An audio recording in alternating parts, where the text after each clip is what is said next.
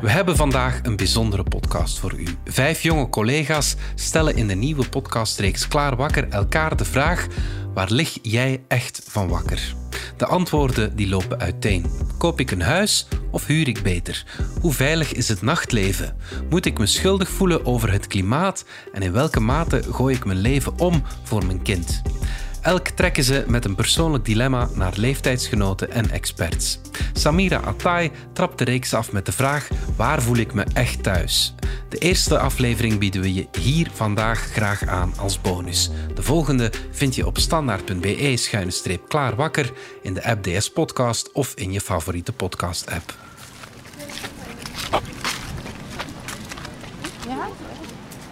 Hoi, zouden wij je iets mogen vragen? Ik moet wel met een trein hebben, dus ik heb twee minuten. Wij werken allebei als, als journalisten aan een podcast en we willen gewoon kort wat eh, allee, een vraag stellen over iets waar we mee bezig zijn. Oh ja, ja. Ja? Hangt er vanaf over wat? Ja, ja. Allee, nee, het hangt er niet vanaf, zeg maar. Oké, de vraag is: Heb je ooit al nagedacht over de vraag wat is thuis zijn? wat is thuis zijn? Eh, ja. En jij? Is dat iets waar je al over hebt nagedacht? Ja, dat is zeker zo. Heb je ooit al nagedacht over de vraag wat is thuis zijn? We gaan er nu eens over nadenken. Misschien totaal niet, hè? To be honest, dat is echt een vraag waar ik nog niet echt over heb nagedacht. Of ja, ja, regelmatig over nagedacht, ja. misschien ook wel? Ah, wel ja, eh, Wat is thuis? Thuis voelt voor mij Dat is dan een soort rust dat ik voel. Dat de drukte wegvalt. heel vertrouwd. op je gemak komen, je volledig zijn. Ja, daar voel ik me goed. Geen stress. zonder heel de tijd te moeten denken dat ik foute dingen zeg of foute dingen doe. In een, eh, een, een broek met verf, spatten rondlopen. Ik zou dat nergens anders doen, maar thuis kan dat. Alles is me bekend. Ja, vooral heel, heel vertrouwd. Heel eigen. Zo voelt voor mij thuis.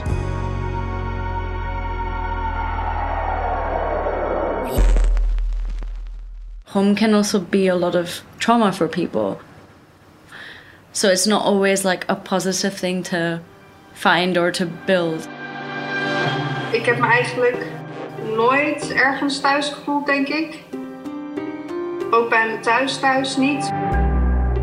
Als je het gevoel hebt dat je in een omgeving bent waar je extra alert moet zijn of extra moet opletten en eigenlijk niet even op adem kunt komen en kunt neerploffen in een zetel. Ik had geen zetel om in neer te ploffen. Of dat gevoel had ik. Dat ik dat nooit kon doen. Waar lig jij wakker van? Wat houdt je s'nachts wakker? die vraag. Vijf jonge redacteurs van de Standaard Ik lig wakker van. gaan op zoek naar antwoorden op persoonlijke vragen in de podcastreeks Klaar Wakker. Mijn eigen zoektocht. Dit is de eerste van drie afleveringen over de vraag van Samira. Als ik nu bijvoorbeeld aan jou zou vragen van wat is voor u thuis zijn, ja, begin maar een keer een antwoord te geven, hè. Ik ben Samira, 25 en ik ben buitenlandredacteur bij de Standaard.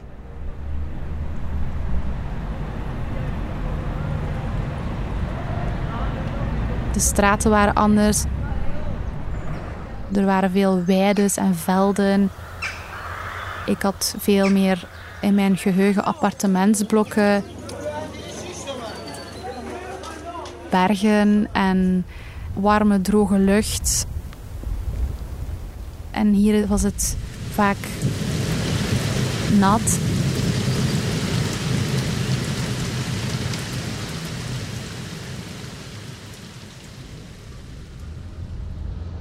Ik weet wel dat we, dat we lang onderweg waren.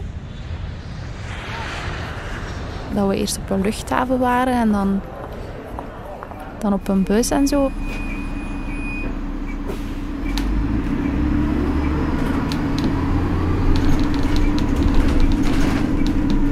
Voor de rest weet ik daar niet zoveel meer over eigenlijk. Toen ik vijf was, ben ik met mijn ouders van Iran naar België vertrokken. Toen aan mij de vraag werd gesteld, waar lig je wakker van, kwam spontaan de vraag, wat is thuis zijn of wat is mijn thuis uh, in mij op.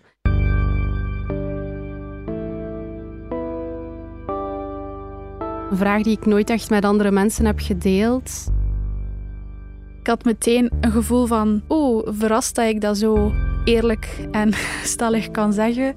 Maar ergens ook een soort van schaamte, omdat ik het een bijna luxe vraag vond. Maar mij ook gewoon afvroeg van, zijn er nog mensen die daar op die manier over nadenken? Zijn er mensen die daar ook effectief ook van wakker liggen of dezelfde zorgen hebben of ook op die manier ervaren dat ze... Dus heb ik een bericht uitgestuurd, heel open. En gewoon gevraagd van, kijk, heb je een migratieachtergrond en wilt je praten over thuis zijn? Laat het mij weten.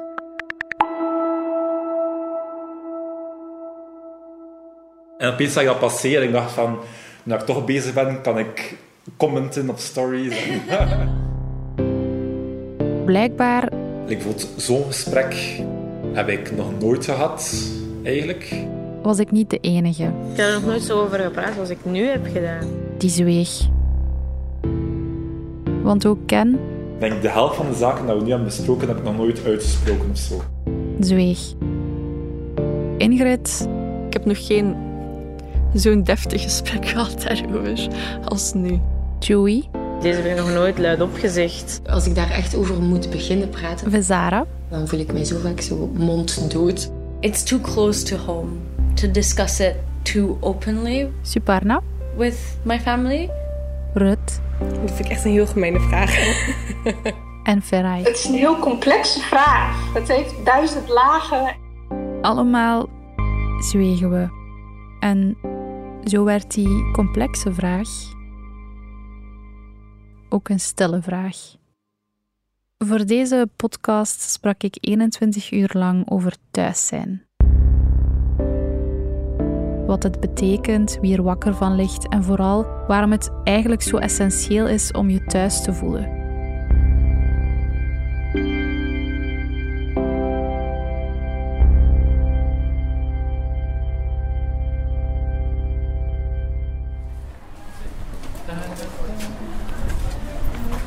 als ik op straat rondliep met mijn papa, um, wilde ik niet samen met hem Farsi praten of zei ik van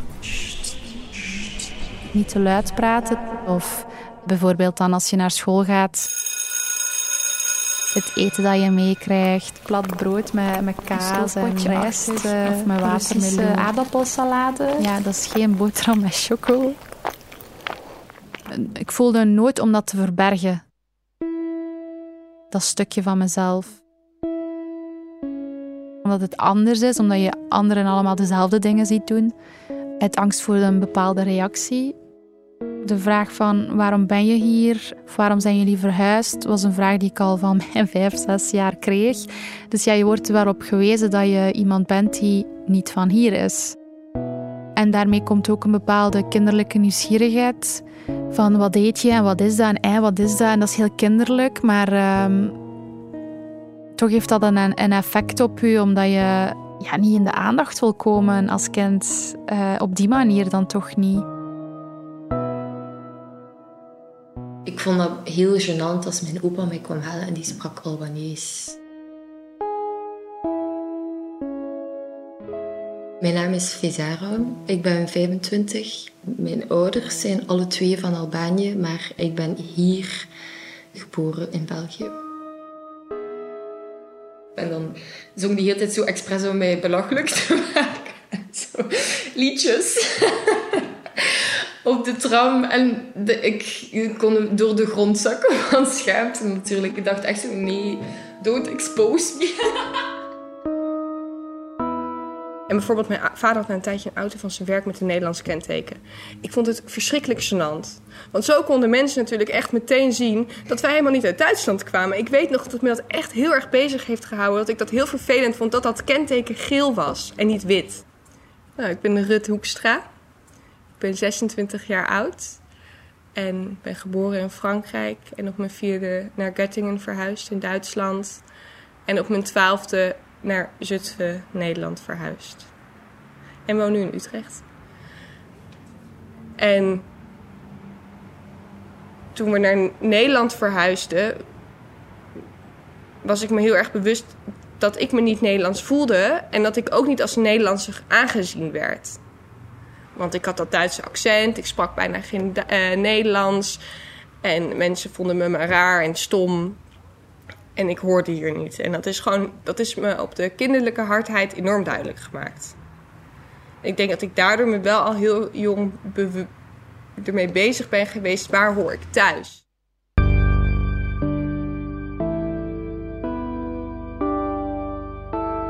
Als je in een, in een wereld leeft waarvan je het gevoel hebt van hier hoor ik niet helemaal, en dat heeft met heel veel verschillende dingen te maken, dan voel je natuurlijk ook minder thuis. En die vrouw die we nu gaan bezoeken op uh, Winnie Ang. Ik wilde dus Winnie Ang graag spreken. Uh, transculturele psychiater voor adolescenten en jongvolwassenen. Omdat zij als kinderpsychiater jongeren helpt met verschillende soorten mentale problemen of verschillende soorten zorgen en gevoelens. Ook op haar werk, maar ook daarnaast ook continu bezig met alles over thuis zijn. Toen ik met haar sprak en ook aan haar vroeg van is dat iets waar mensen mee inzetten, in die zin dat dat echt de reden is waarom dat ze met u willen spreken. En dat zij gewoon volmondig zei, ja, tuurlijk.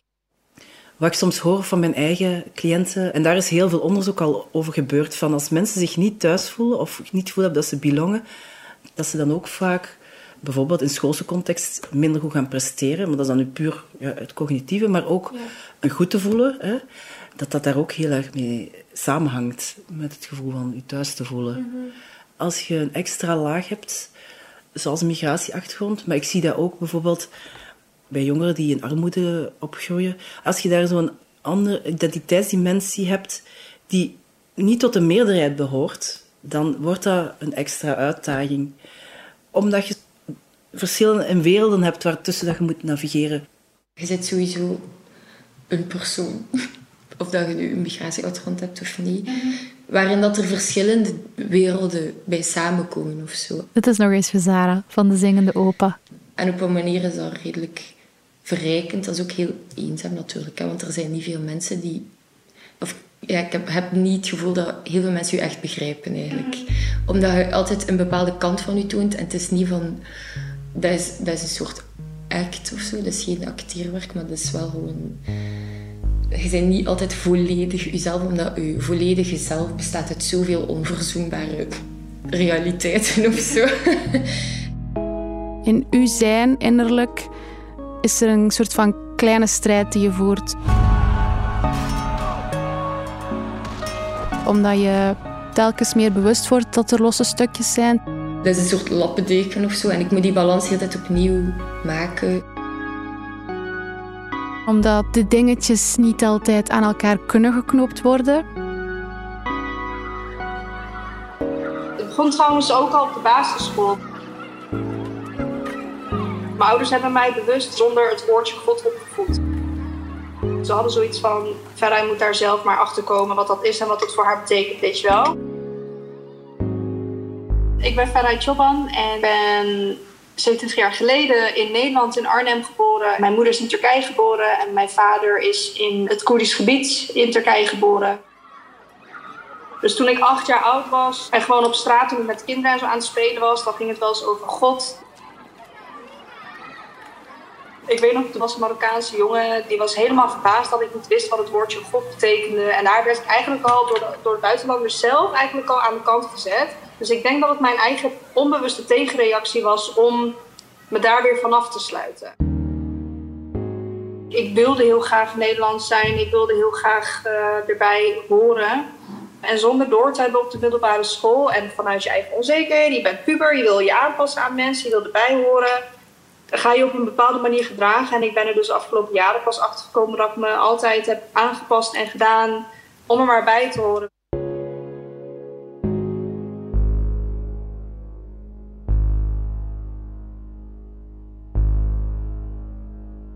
Om erbij te horen laat je onbewust eigenlijk stukjes van jezelf achter.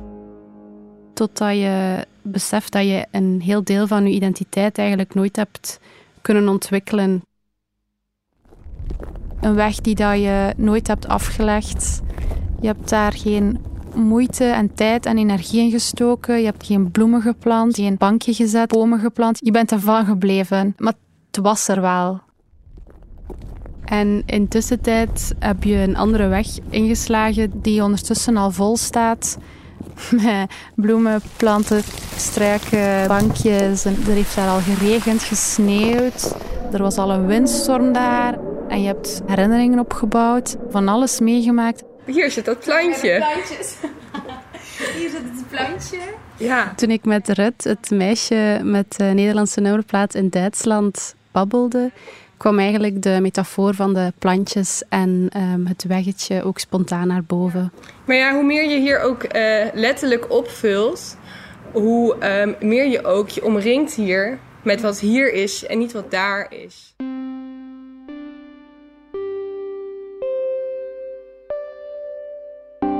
Maar je vindt het zo jammer dat er een ander wegje daar ligt dat ja, dor is, dat niet de aandacht heeft gekregen die ik het zou willen gegeven hebben. Of het niet kan geven, of het niet mag geven. En dat is denk ik het verlangen en het eh, verdriet wat je met je meedraagt. Want je kunt je niet opdelen in eh, meerdere delen. Het is een soort van heel grote blinde vlek. Het is gewoon alsof je te lang in de zon hebt gekeken en dan probeer je weer gewoon recht vooruit te kijken. Je ziet allemaal vlekken. Het, het is er wel, maar ook weer niet. Je zou kunnen denken van, eh gulzig mens, je hebt al een, een paadje dat je al hebt gevuld met herinneringen en prestaties en je bent al ergens geraakt. En dat is inderdaad wel zo, maar toch word je als je op dat paadje loopt er wel nog altijd op gewezen dat je daar ook niet helemaal thuis hoort. Want je moet je wel gedragen naar de normen en waarden van het land waar je in woont. Dus neem jij iets anders met je mee, dan wordt dat eigenlijk niet geaccepteerd. Zelfs in de lijsten of zo begon een medewerker ineens het Engels tegen te En praten. opeens gewoon een kleine opmerking van... Two years ago, I got screamed, "Oh, you, you fucking immigrant!" on the street. Je bent weg van Brussel, hè? Hey? Oh, jij praat heel goed Nederlands. Ik zou niet zeggen dat je Turks bent. En ik zei van, nee, nee, nee, getogen en geboren. Ja, geboren. Je praat wel echt heel mooi Nederlands voor iemand die niet van hier is. nee, ik kan Nederlands, excuseer. What? Like, Die vraag... Van waar ben jij, dit, dat, dit, dat. yeah, I hate that question. Like, I don't like answering it, and I like to like end it as soon as I can. Als ik die vraag krijg, heb ik het gevoel dat ik aan een automaat sta met drie knoppen en echt gewoon in paniek schiet.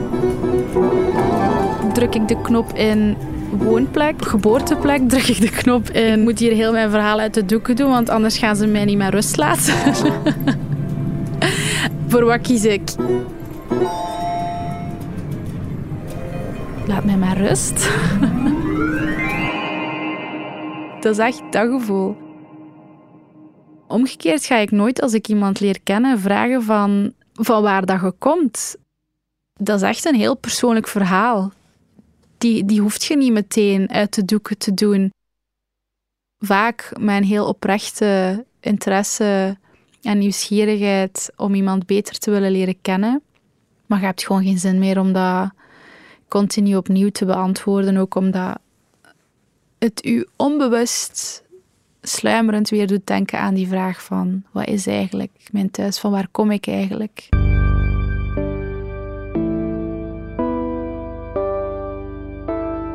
Ik weet het eigenlijk niet. Ik kan die vraag eigenlijk niet beantwoorden. Just the fact that someone else has the power to do that is really frightening. Dit is Suparna. I'm Suparna. I am 27 years old, currently based in Brussels. Have been around in Belgium for about five years now. Even tussen haakjes over Suparna. Als er één iemand is die al vaak heeft moeten nadenken over thuis zijn, is zij het wel. Ze is een vrouw die al in acht landen heeft gewoond. So I was born in Saudi Arabia. I lived there for two years, so I don't have any memories of that whatsoever. And then we spent um, two years in India, two and a half years in Dubai, then moved to Ghana, then back to India, then Denmark, Indonesia for two years. Then I went to university in the UK, and then I moved to Belgium. I had a party for it. I'm five years old, I did it. Like, I survived this long in one country. Because before this, I used to get itchy feet. I was like, okay, it's time to leave again. Need to go try something new. For some time, it was imposed on me because it was my dad's job. So I had to do it. And once it wasn't, I still wanted to do it.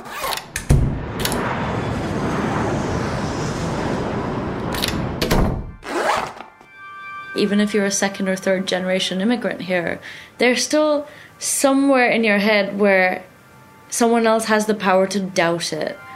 You know, when Conor Rousseau said, "What? Like, oh, if I go through Molenbeek, I don't feel like I'm in Belgium." Laat ons eerlijk zijn, daar heb je niet dat gevoel van een sociale mix. Of heb ik dat gevoel alleszins niet? But it's just comments like that that someone else still feels like they have more power over you to decide where you belong and who you are and whether this is your home.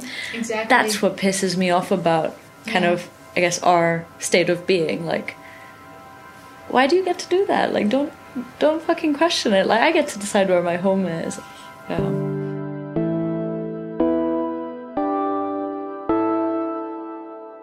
Ik denk dat als je het gevoel hebt dat je ergens thuis bent, dat je ook durft naar de toekomst kijken en dat je durft investeren in jezelf.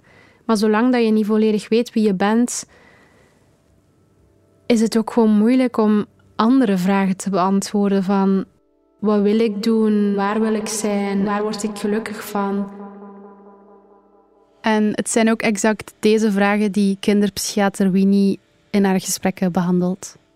Om die zoektocht aan te gaan, is het ook heel erg interessant om juist in interactie met mensen te gaan. Het is net in interactie met anderen dat je soms ook beseft wie je bent of wie je wil zijn en hoe ziet de maatschappij mij. En dat bepaalt natuurlijk ook een stuk van hoe dat je jezelf ziet soms en waar je je thuis voelt. Dus het is eigenlijk een wisselwerking in beide richtingen. Als je je niet thuis voelt, wilt je natuurlijk heel graag weten wat dat, dat dan is. Wel thuis zijn. En dan, in mijn geval, kijk ik dan naar die dorre weg. Ik bijvoorbeeld heel corny, maar zo een foto zie van de Albanese bergen en dat ik een halve dag echt uh, nodig heb om zo, om zo oké, okay, um, ik ben hier. Hoe ga ik zo snel mogelijk naar daar gaan? En dan denk ik van, ja, het gras is groener, hè. Is dat iets waar je naar ja. verlangt? Ja, toch wel. Ja. Ja, toch zoiets dat ontbreekt. En misschien kan ik daardoor wel iets oplossen of vrede vinden in het feit dat mijn ene voet hier staat en mijn andere daar. Verlangen zit naast de angst. Dat maakt het verlangen, denk ik, nog sappiger. Want de angst is natuurlijk ook als ik daar ga, wat laat ik dan hier achter?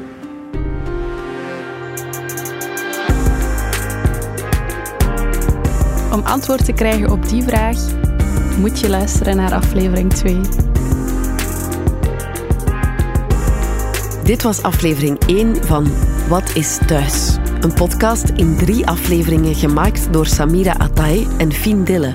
Brecht Plasgaard mixte, schreef de muziek en herwerkte Debussy's La Cathédrale Engloutie. Het fragment van Conor Rousseau kwam van VTM. Deze podcast maakt deel uit van de podcastreeks Klaar Wakker, waarin vijf jonge redacteurs van de Standaard dieper inzoomen op de dilemma's waar zij hun slaap voor laten. Volg Klaar Wakker in de podcast-app van de Standaard of uw favoriete podcastplatform.